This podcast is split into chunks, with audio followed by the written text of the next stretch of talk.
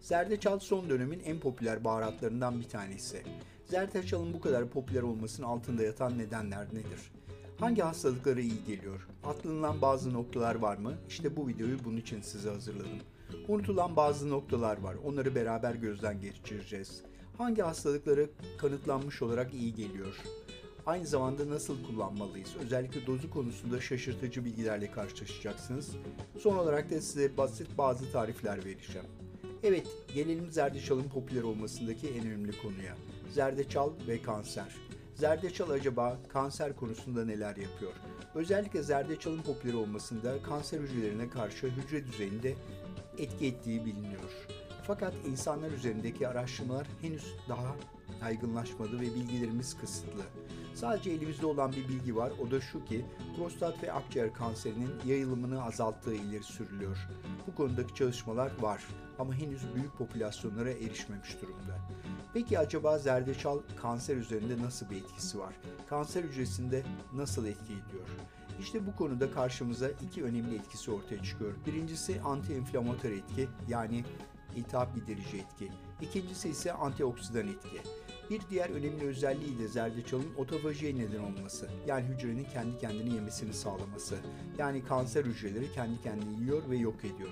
İşte bu yüzden zerdeçal kanser konusunda oldukça popüler. Peki acaba zerdeçal başka hangi hastalıklara etkisi yüksek? İlk sırada osteoartrit geliyor. Özellikle yaşlanmayla beraber dizde ortaya çıkan osteoartritte ağrıya karşı kesin etkisi saptanmış durumda. Önerilen bir tedavi yöntemi zerdeçal tedavisi osteoartritte. İkinci sırada ise depresyon geliyor. Yalnız bu konuda bir uyarımız var. Depresyon için en az 2 ay kullanılması gerekiyor. Hem doz hem de aynı zamanda uzun süre kullanılması gerektiğinin altını çiziyorum. Birazdan doza bakacağız. Üçüncü sırada ise böbrek yetmezliği geliyor. Özellikle azalmış böbrek fonksiyonlarını koruyor. Yani son döneme geçişi biraz uzatıyor. Dördüncü sırada kolesterol yüksekliği ve damar sertliği geliyor. İşte zerdeçalın iki önemli özelliği de burada. Bir antioksidan özelliği damar sertliğini azaltıyor. Aynı zamanda total kolesterol ve kötü huylu kolesterolü yani LDL'yi düşürüyor. Beşinci sırada ise ülseratif kolit var. Özel bir kalın bağırsak iltihabı bu. Zerdeçal kolay emilmiyor ve kalın bağırsakta kalıyor ve ülseratif kolite iyi gelmesinin sebebi de bu. Peki zerdeçalı ne kadar almalıyız? İşte bu konu tartışılan bir konu. Zerdeçal turmerik adlı bir bitkiden elde ediliyor.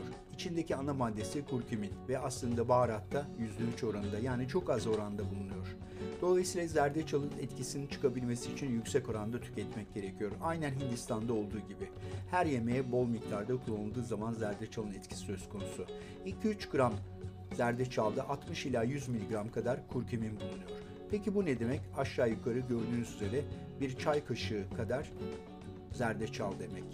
Peki gerçekte etkisi olabilmesi için acaba zerdeçalı ne kadar kullanmalıyız? Birincisi emilimi çok düşük. O yüzden karabiberle emilimini artırmak gerekiyor. Peki doz? Yararlı olabilmesi için gerekli doz 500 mg gün. Düşünün ne kadar fazla ve 2-3 ay kullanmalısınız. Bu da 15 gram zerdeçal ediyor. Of 15 gram zerdeçal kullanmak çok zor. Çünkü biliyorsunuz tadı oldukça buruk ve aynı zamanda boya etkisi var. O yüzden zerdeçal hapları piyasaya sürülmüş. Fiyatı da biraz pahalı gördüğünüz üzere. Peki dikkat etmemiz gereken zerdeçal ile ilgili başka noktalar nelerdir? Kullanılmaması gereken durumlar var. Örneğin safra taşınız varsa, reflüyünüz varsa ve özellikle pıhtılaşmayı yavaşlatıyor yani kanı sulandırıyor. Dolayısıyla kan sulandırıcı ilaçlara kullananların dikkat etmesi gerekiyor.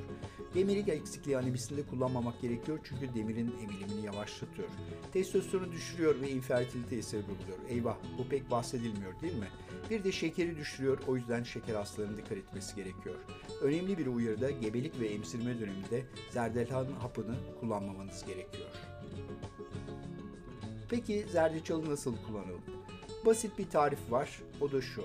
Bir çorba kaşığı kadar bala, bir tatlı kaşığı kadar zerdeçal ekliyorsunuz. Üzerine karabiber ekliyorsunuz. Ve bunu özellikle bitki çaylarıyla tüketebilirsiniz. Zencefilli çay önerilen bir çay. Bunun haricinde sütün üzerine zerdeçal ve karabiber eklediğiniz zaman çocuklarda büyümeyi artırdığı iddia ediliyor. Çorbalara, makarnalara, pilavlara, salatalara, haşlanmış veya ızgara yapılmış olan sebzelere de zerdeçalı kullanabilirsiniz. Hemen hemen tüm yemeklere zerdeçal yakışır. Açıkçası ben de bol miktarda kullanıyorum.